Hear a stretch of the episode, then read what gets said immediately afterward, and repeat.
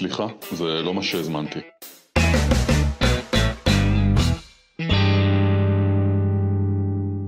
שלום. היי. היי. אנחנו בעוד פרק בפודקאסט, סליחה, זה לא מה שהזמנתי. אני לימור רייך, ואנחנו עם טל בשן, כרגיל, מייסד בית ספר למנהיגות תודעתית. והיום יש פרק uh, קצת uh, עצבני. פרק עצבני, כן, קוראים לו כועס, מי שכועס אחרון. אוקיי. על משקל uh, צוחק מי שצוחק אחרון, אבל נדמה לי שבתקופה האחרונה יש קצת פחות צחוק וקצת יותר uh, כעס, ובכלל זה פודקאסט שאני הרבה זמן uh, מחזיק אותו בבטן, כמו שכעס צריך באמת להתבשל.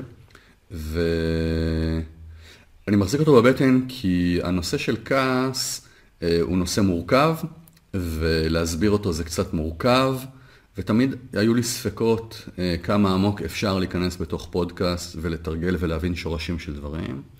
אבל אה, אנחנו נעשה ניסוי, ואנחנו גם הרבה מאוד זמן לא הקלטנו, היינו מאוד מאוד עסוקים, תקופה, תקופה מורכבת, אנשים עוברים הרבה תהליכים, ויש הרבה אקשן, והרבה אנשים צריכים עזרה, אבל הנה התפנינו.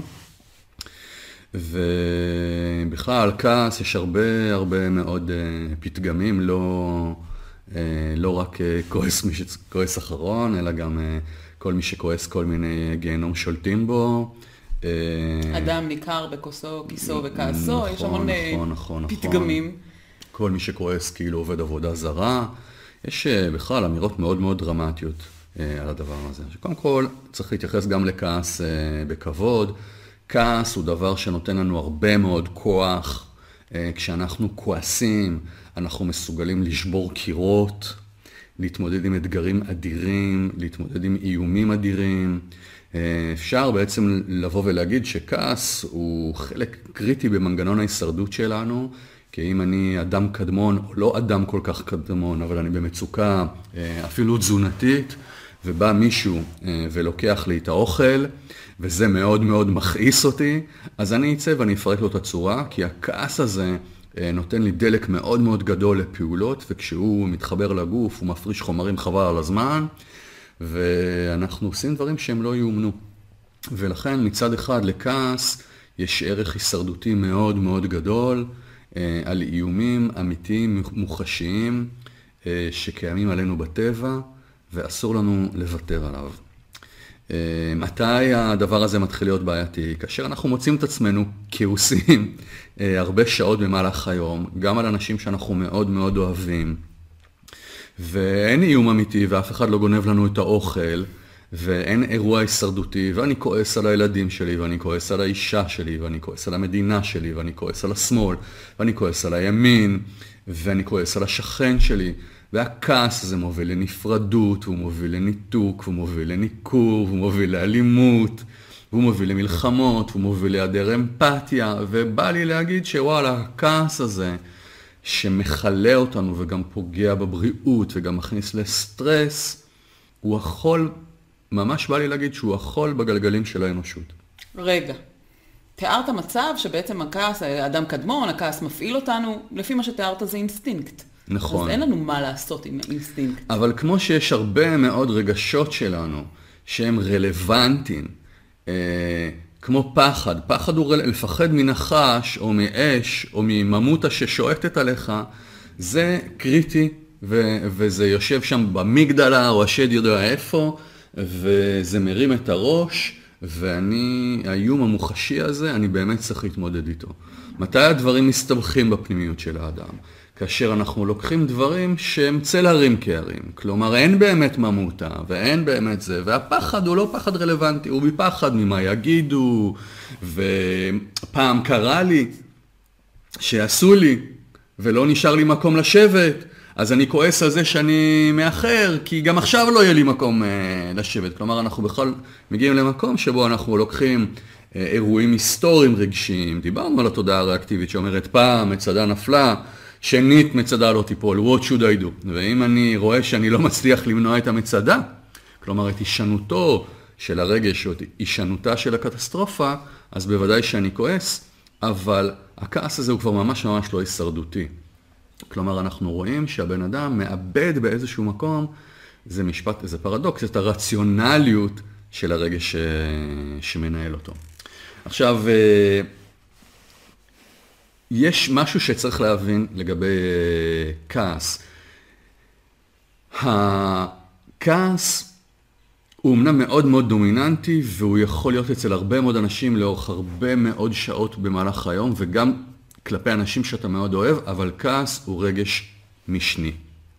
כלומר, הוא לא הכוכב שלנו היום? הוא לא הכוכב, הוא תוצאתי. הוא רגש תוצאתי. הוא מאפיל על הכל. כן, יש, נכון, הוא, הוא מאפיל על הכל, ו, והוא גם זה שנותן לי כוח מאוד גדול לפעול, אנחנו נדבר על זה בהמשך, אבל כעס הוא רגש ריאקטיבי, וזה משהו שחשוב להבין. יש לו גם מעליו דברים וגם מתחתיו דברים. מעליו זה אולי ברור, כי כעס הופך לשנאה, או עלול להפוך לשנאה, ושנאה עלולה להפוך לאלימות. אתה לא יכול לרצוח, אתה לא יכול להרביץ, אתה לא יכול לצאת למלחמה בלי כעס, והרבה פעמים שמומר לשנאה, שבסוף מתורגמת לפעולה פיזית שלילית. אבל... זה מעל הכעס. זה מעל הכעס. כלומר, מעל. זה עוד ריאקטיביות.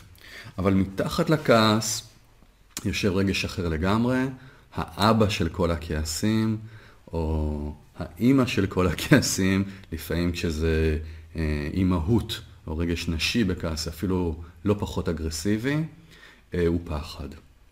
הוא פחד. כמו בכל דבר במנהיגות תודעתית, יש לנו את הביטוי של זה ויש את מה מתחת. נכון. אז אתה אומר נכון. שהביטוי של זה זה הכעס ומה מתחת זה הפחד. נכון, ואני רוצה, הסיבה שאני אני נמנעתי מלעשות את הפודקאסט הזה מכל, מכל מיני פחדים, אה, אבל אה, השבוע ראיתי, אה, יש טריילרים כאלה לסרטים, ועוד מעט יוצא דיון חולית בחזרה לאקרנים, אה, סדרת ספרים מיתולוגית, וגם סרט שהיה פעם, ועוד מעט יוצא סרט שכבר היה צריך לצאת, אבל הקורונה דיכאה אותו, ושם יש משפט אלמותי על כעס של בנות הלילי, או הדליליס, והוא אומר פחות או יותר את הדבר הבא, אני רוצה להקריא אותו כי הוא ארוך. הוא אומר, אל לי לפחוד, הפחד הוא קוטל הבינה. הפחד הוא המוות הקטן המביא כיליון מוחלט. אעמוד בפני פחדי, אניח לו לחלוף סביבי ובעדי, וכאשר יחלוף על פניי, אפנה את עיני רוחי ואראה את נתיבו. במקום שעבר הפחד לא יהיה דבר, אוותר רק אני. אז אפשר אפילו לקצר את זה ולהגיד, הפחד הוא קוטל הבינה, וכשהוא נמצא אני איננו. כי אני לא, אני לא נוכח עם מה שבאמת קורה. אלא אני עסוק במה עלול לקרות. כלומר, מה יכול לקרות ולסכן אותי. עכשיו, אני לא בטוח שהפרשנות למשפט הייתה יותר ברורה מהמשפט עצמו, אז בוא רגע נבין. הכל בעיני המתבונן, זה בסדר לפרש כן. את זה איך שאנחנו רוצים. בכלל, באופן עקרוני, אנחנו רוצים להבין שרגשות הינם, הם תולדה של פרשנויות. עכשיו, כשהפרשנות אה, היא חיובית, כלומר, אני חווה משהו בחוץ כאירוע חיובי. הרגשות שנכנסים פנימה, או שהם ביטוי לפרשנות, הם רגשות חיוביים.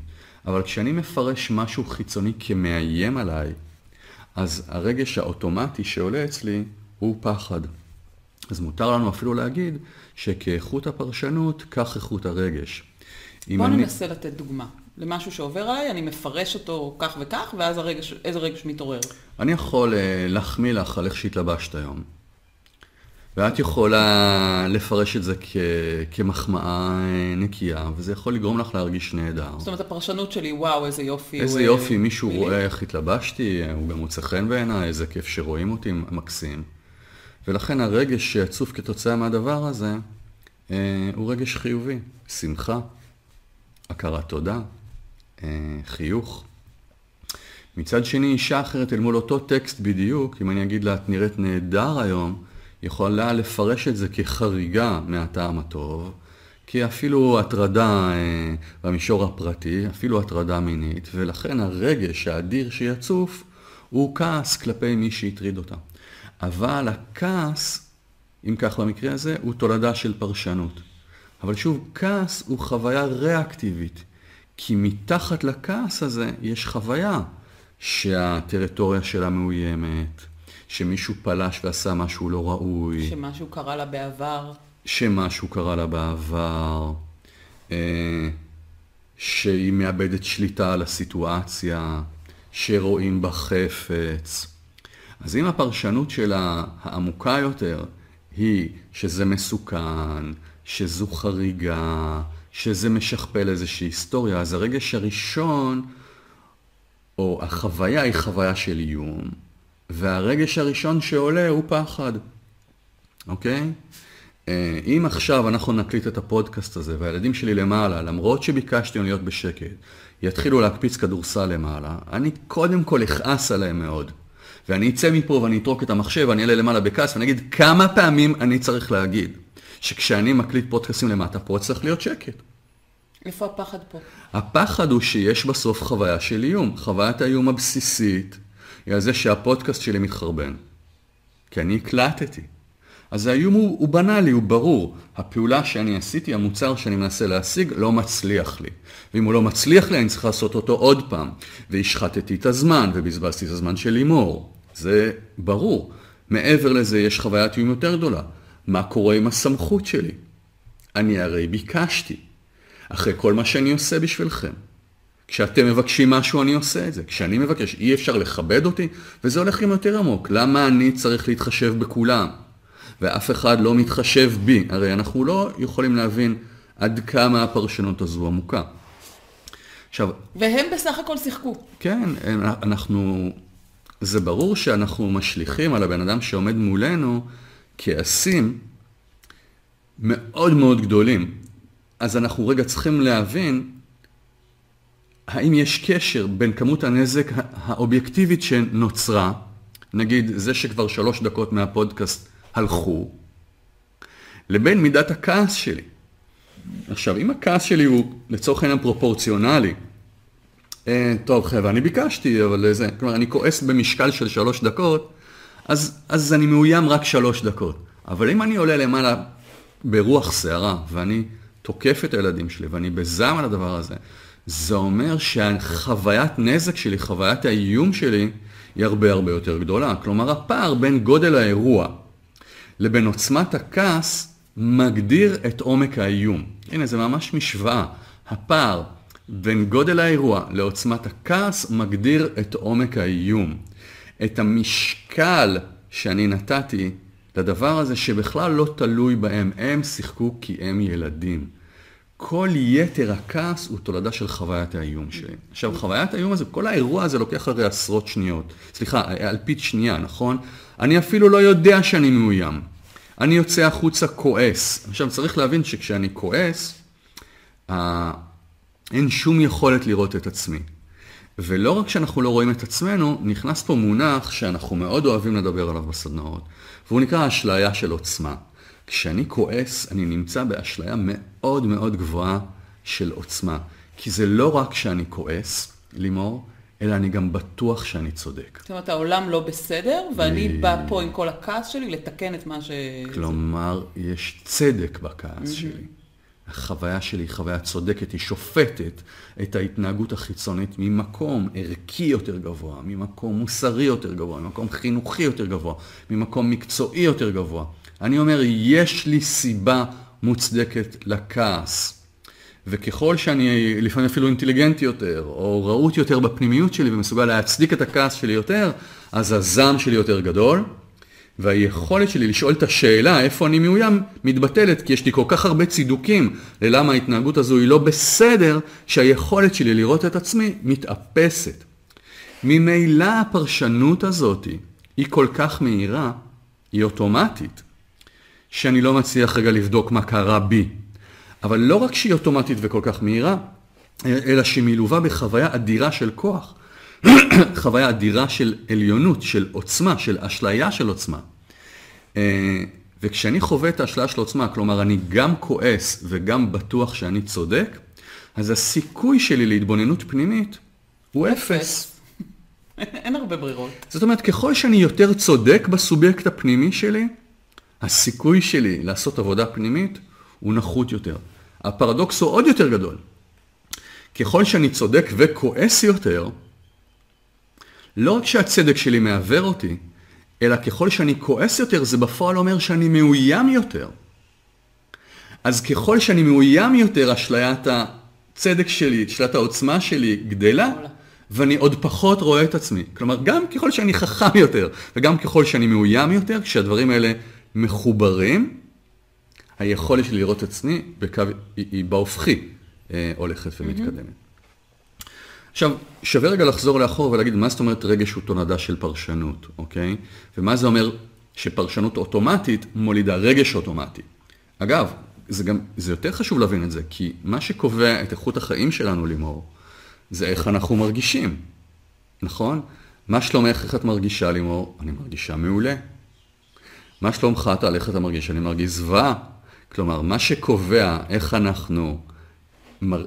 מה שלומנו, או מה איכות חיינו, זה איך אנחנו מרגישים. ומה שקובע איך אנחנו מרגישים, זה איך אנחנו מפרשים אנחנו מפרשים, את החיים שלנו. שמקיפים אותנו. ואם חלק אדיר מהפרשנויות שלנו הן אוטומטיות, זה בוודאי אומר שרוב הרגשות שלנו הם אוטומטיים. ולכן גם איכות החיים שלנו נשמרת ו- ונשארת כל הזמן אותו דבר. עכשיו תראי, אם אני כועס עלייך, ואני אומר, אני מרגיש ככה כי את מתנהגת פויה, כלומר אני כועס וצודק, ואני מצביע עלייך, אנחנו קוראים לזה מיקוד שיטה חיצוני, אני מצביע עלייך כאשמה למה שאני מרגיש, ומעל זה יש לי גם את אותה אשליית עוצמה של כעס וצדק, אז אין שום סיכוי בעולם שאני אעצור לבדוק מה הייתה הפרשנות שלי על המציאות שהתרחשה כרגע, ואיזה איום נחשף בפנימיות שלי שהוביל לכעס הזה. עכשיו, אם אתה תמשיך ככה, בדרך אתה תאבד אותי, אתה תאבד עוד מלא דברים בחיים, אתה יכול לאבד את העבודה, אתה יכול לאבד המון דברים שאתה כועס עליהם. נכון. כי אתה נכון. מרגיש שאתה צודק, ושאתה צריך uh, לעשות uh, הפרדת כוחות. ו- וזה גם, אם, אם נגדיל את זה, גם ככה קורות מלחמות. שתי אומות, שני אנשים, שני שכנים, שני בני זוג. כל אחד מאוים, כל אחד צודק, כל אחד באותה אשליה של כעס, אותה אשליה של עליונות, סליחה, אותה אשליית עוצמה. אני צודק, את לא בסדר, אני כועס, את לא בסדר. וכשהאצבעות האלה מופנות החוצה והמהלומות מתחלפות, וככל שהמהלומות מתחלפות, תחושת הצדק אה, והשליית העוצמה גדלה, הלופים האלה יוצרים מלחמות.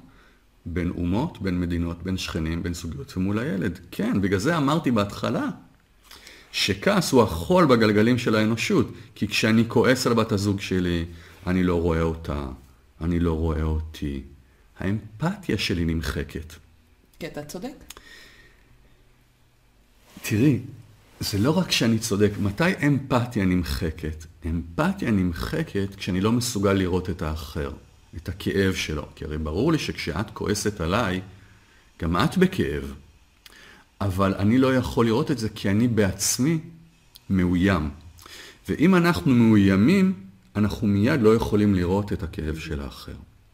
עכשיו בואו רגע נסביר מה זה, נראה לי שזה עבר טיפה מהר. מה, מה זה אומר שרגש הינו תולדה של פרשנות? אם בא מישהו חותך אותי בכביש, ונשרפים לי כל הפיוזים, ואני מת ברמזור הבא לחתוך, סליחה על האגרסיביות של, ה, של הבוקר פה, ואני רוצה להוציא את הנבוט שאין לי, אה, ולדפוק לו את זה בשמשה או בראש במקרה הרע, אז זה אומר שמשהו בי פירש את זה מאוד מאוד מהר, כאיום מאוד עמוק, או קיומי, או כסכנה, או כי מי הוא חושב שהוא, או איך הוא מרשה לעצמו, כי אני אף פעם לא מרשה לעצמי, זה לא משנה. ומיד מתוך הפרשנות הזו חל איום מאוד גדול, משם יש כעס מאוד גדול, הוא הופך לשנאה, לאגרסיה, לאלימות. אבל אם איך שאני יוצא עם הנבוט מהאוטו, גם הוא יוצא מהאוטו, ואני מגלה שזה רונן, שיציל אותי בענבי זעם בלבנון, אה, אה, מ-RPG שנורא, וסחב לא, אותי על הגב. אני אומר לו, בואנה אחי, אתה לא מאמין, ומיד הפרשנות שלי מתחלפת, ומיד הרגש שלי מתחלף. או אם אה, כשאני מגיע לשם אני רואה שיש לו אישה קורעת ללדת בספסל האחורי, גם שם מיד הפרשנות שלי מתחלפת. ומיד הרגשות שלי מתחלפים. אז אנחנו יודעים לבוא ולהגיד בשלב הזה, שאחד, הפרשנויות שלנו הן ברובן אוטומטיות. כשאני מפרש את המציאות החיצונית כאיום, צף פחד. הרגש המשני, הריאקטיבי, לפחד, כלומר התוצאתי, הוא כעס, שנאה ולפעמים אלימות. ולכן זה בעצם, ועל הדבר הזה, כשזה קורה, יש לי אשליה של עוצמה, כלומר אני בטוח שאני צודק וגם כועס, אז הסיכוי שאני אשנה במשהו את המציאות הוא אפסי. וכבר אמרנו בפודקאסטים אי שם ב- בהיסטוריה, שבכל פעם שהאדם, אמרנו, כשהאדם אה, נמצא במיקוד שליטה חיצוני, שהתודעה הריאקטיבית, ואני מאשים את העולם במה שקורה לי, האדם שנמצא במיקוד שליטה חיצוני, מבטיח שהמחר שלו ייראה בדיוק אותו, אותו דבר, ואפילו גרוע יותר. ורק טיפ-טיפה יותר גרוע. כלומר, מעטים מאיתנו הצליחו לשנות מערכת יחסים, או התנהגות, או דינמיקה בזוגיות, הורית, עסקית, וואטאבר, על ידי זה שהופנה כעס כלפי האחר. מקסימום, אם הצד השני מאוד מפחד מאיתנו, הוא ימתן או ישנה את ההתנהגות שלו, אבל אף פעם לא הצלחנו לשנות את ההרמוניה, או גרמנו לאחר לבחור התנהגות אחרת מטבעה. ועכשיו אנחנו נכנסים רגע לזירה של העבודה. השאלה שאמורה לעניין אותנו זה איפה אנחנו מאוימים. אבל מה שאתה אומר, רגע, אני עושה פאוז, הסברת את המנגנון של מה קורה לנו, וקורה לנו את זה באלפית שנייה. Mm-hmm. מה שאתה אומר כרגע שאפשר לעבוד על זה, כי אחרת מה אנחנו עושים כאן? כן. אה, ואני מניחה שלא בתוך הסיטואציה, אלא בניתוח של בדיעבד, אלא ללכת ולראות מה דפוסי ההתנהגות הרגילים שלי. נכון. אה, רוב האנשים, רוב הזמן, יתקשו מאוד לעצור את מהלך הכעס שלהם. יספרו עד עשר, יספרו עד מאה. חלק מאיתנו יצליחו לכבוש את היצר, את הכעס, חלק מאיתנו יצליחו להתאפק, אבל לגלות את השורש של הכעס, זאת תהיה משימה מאוד מאוד גדולה. זו עבודה שעושים. כן. Okay. אוקיי. אז אני מסכים, ותודה על ההערה. העבודה לרוב צריכה להיות עבודת offline. מה זה offline? לבוא ולהגיד, אוקיי, מקודם כעסתי. מותר לנו להניח, לא צריך לבזבז על זה את הזמן, שגם במקרה הפרטי שלי, הכעס הוא ריאקטיבי, כלומר הוא רגש משני, ומתחתיו יושב פחד, חוויית איום. ואפשר לבוא ולהגיד שהתפקיד שלי כרגע הוא לגלות היכן אני מאוים. אוקיי, okay, אבל בואו רגע נחדד, כי אנחנו אומרים את זה כמעט בכל פרק. אני מסתכל רק על עצמי. אני לא כן. מסתכל על העולם החיצון. זה, ש... זה שבעלי עצבן אותי, או זה כן. שהבוס בעבודה, whatever, הם לא חלק מהעניין, אני עושה את העבודה רק עם עצמי. כן, נכון? כן, כן, למה? כי כשהבוס הזה מתנהג ככה למישהו אחר, לפעמים זה לא מזיז למישהו האחר. וכשהבעל שלך מתנהג לאישה השנייה, השנייה שלו, שלו אה, החליפית, או אם הוא היה מתחתן עם מישהי אחרת ומתנהג ככה איתה, זה לא היה מעצבן אותה. חוויית עיבוד השקט הנפשי היא תלוית פרשנות סובייקטיבית אוטומטית שלי. שלי. אוקיי. אני זה שחווה את המציאות ככה. אנחנו, כל הפודקאסטים האלה וכל העבודה של הבית ספר אומרת, מערכת היחסים שיש לי עם העולם, הנה השתקפות מוחלטת של מערכת היחסים שיש לי עם עצמי.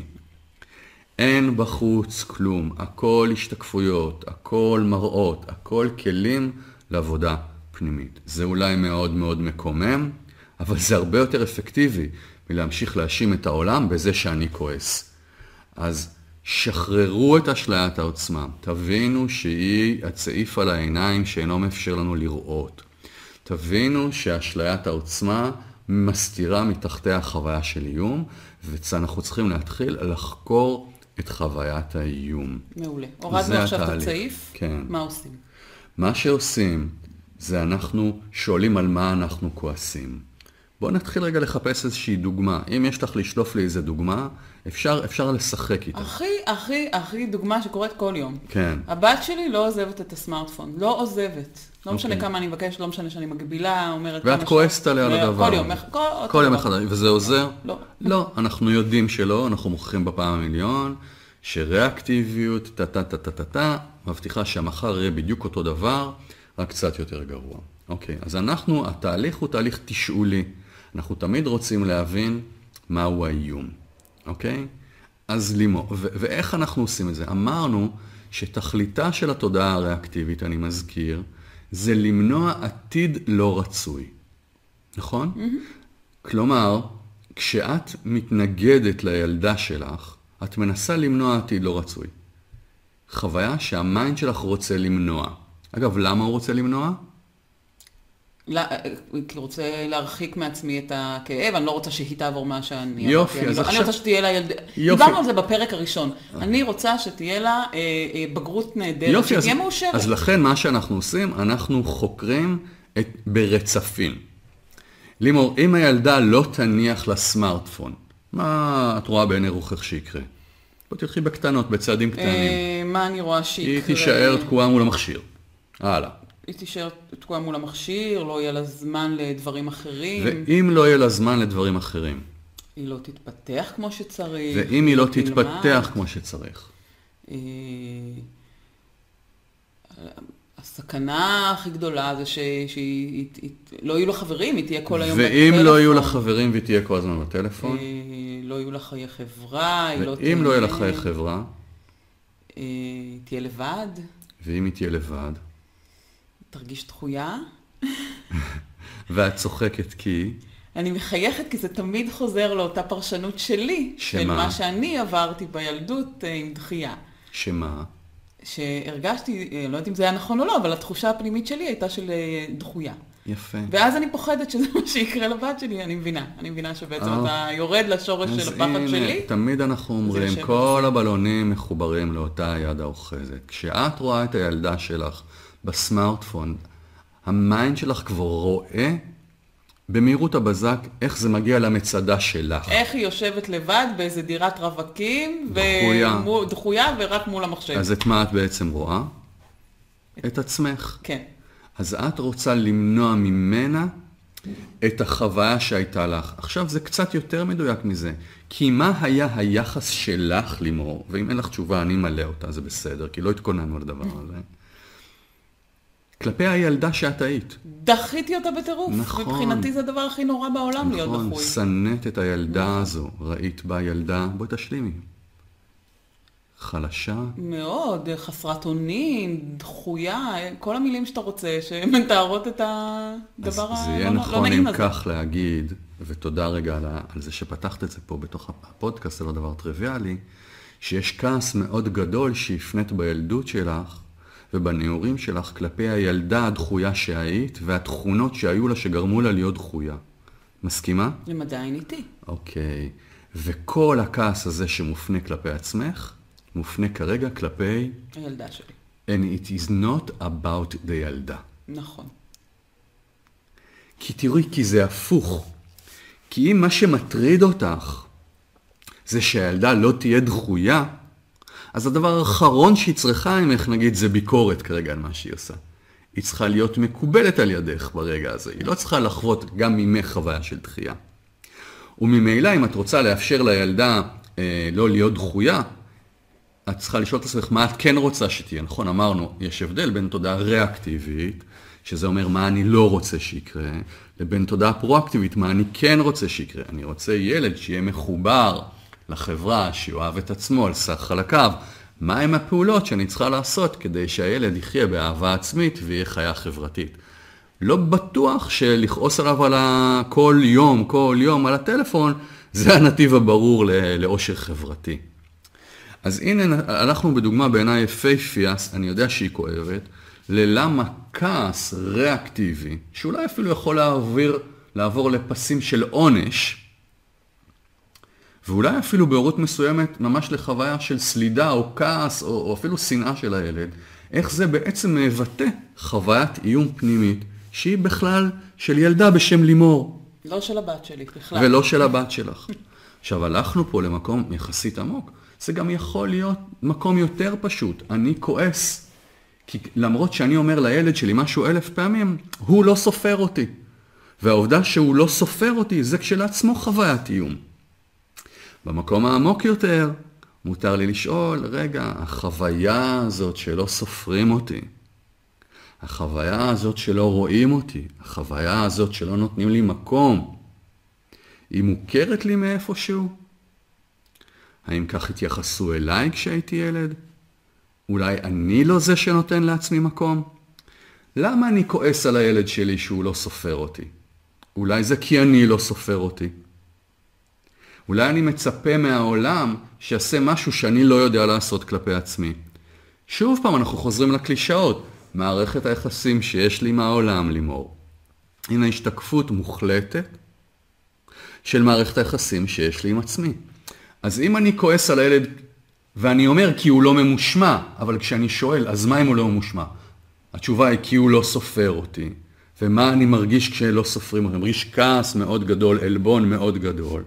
עכשיו אני נשאר עם הדבר הזה ואומר, אוקיי, החוויה הזאת שלא סופרים אותי, האם היא קשורה לאיזה מצדה היסטורית שלי, שהחוויה הזאת היא מאוד איימה עליי, כמו שחוויית הדחייה איימה עלייך? או שאולי בכלל יש מערכת יחסים פנימית כזו שלי עם עצמי, שאני לא סופר את עצמי, שאני לא מכבד את עצמי, שאני לא נותן לעצמי את המקום. והכעס הזה שנדחס ונצבר כלפי עצמי, בסך הכל נשפך על הבן אדם שמאיר את הדבר הזה בפנימיות שלי. אז שוב, מצד אחד, כעס הוא אפקטיבי וחשוב ומשמעותי, כי הוא מגן עלינו, והוא טוען אותנו בעוצמה מאוד גדולה כדי להגן על עצמנו ועל הגורים שלנו ועל המזון שלנו ועל הבית שלנו. ויש לו תפקיד אבולוציוני, אחרת הוא לא היה קיים. אבל... והוא קיים גם בתפקיד האבולוציוני כביטוי של איום. כי אם מישהו ייקח לי את האוכל, אני אמות מרעב. ואם מישהו ייקח לי את האישה, לא יהיה מי שיטפל לי בילדים במערה. אז הכעס הזה גורם לי להיות באשליית עוצמה כי הוא מתנהג לא בסדר. אני לוקח את החנית ואני הורג את מי שלוקח לי את האוכל, את הילדים, או את האישה, או את המערה. אז היום אנחנו לא בהכרח בחוויות כאלה, אבל עדיין כעס מבטא איום. ואנחנו מוטב שפשוט נבין את הדבר הזה. כי כמו שאומרים בחב"דית, הכעס הוא גם קוטל הבינה. הוא לא נותן לנו לראות את המציאות כמו שהיא.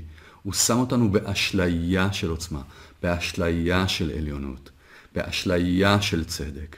הוא לא מאפשר לנו לראות באמת מה קורה ומהי העבודה הפנימית. והעבודה הפנימית היא לשחרר את הגורם החיצוני מהכעס שלנו. לא הוא אחראי על מה שאנחנו מרגישים.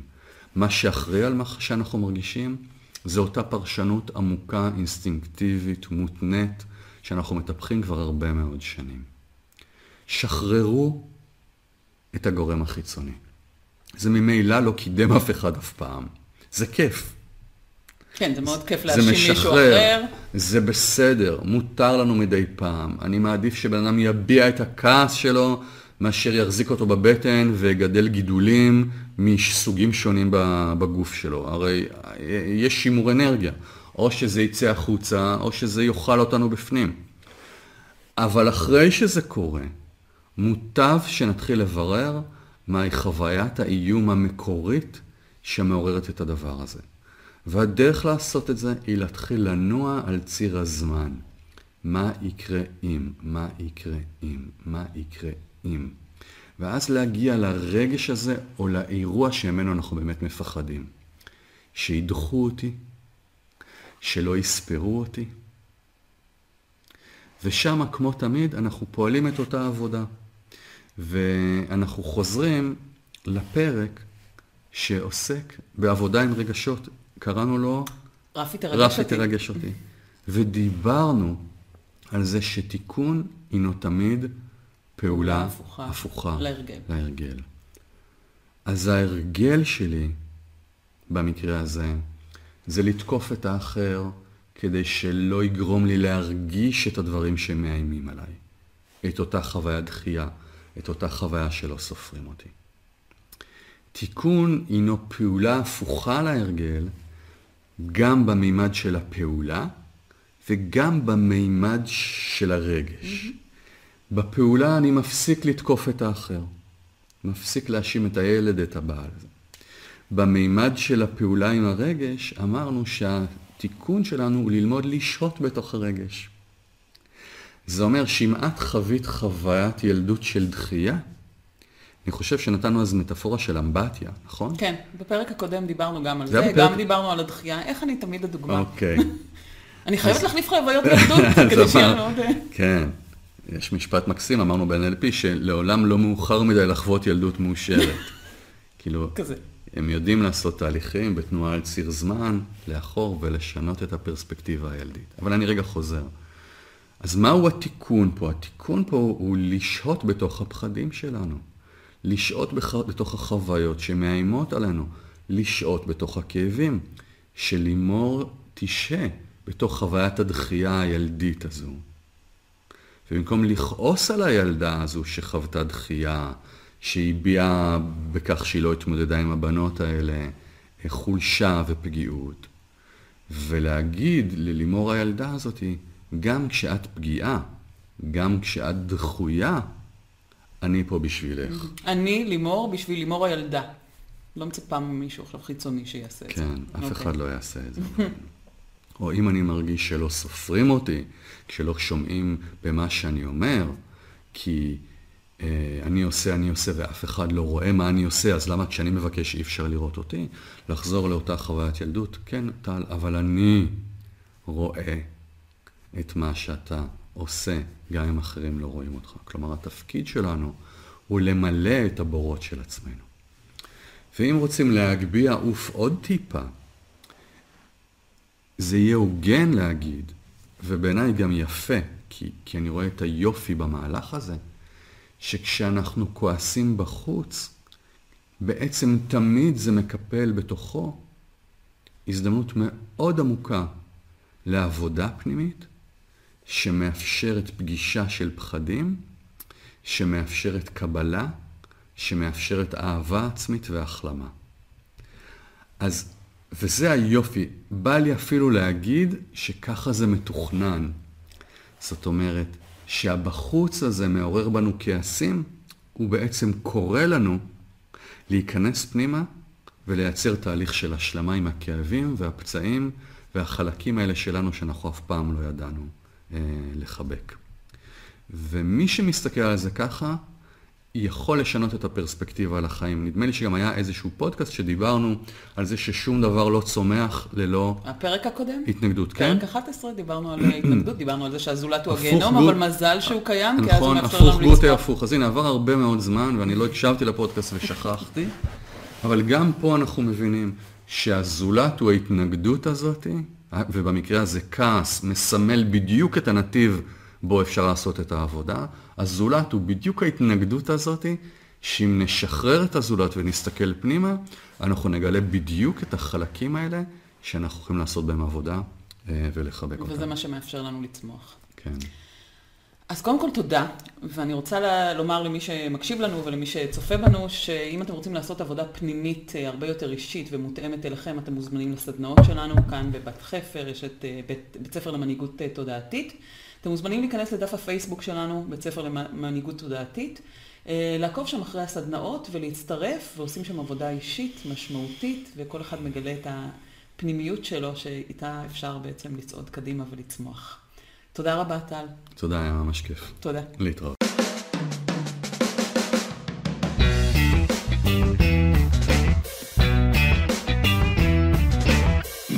סליחה, זה לא מה שהזמנתי.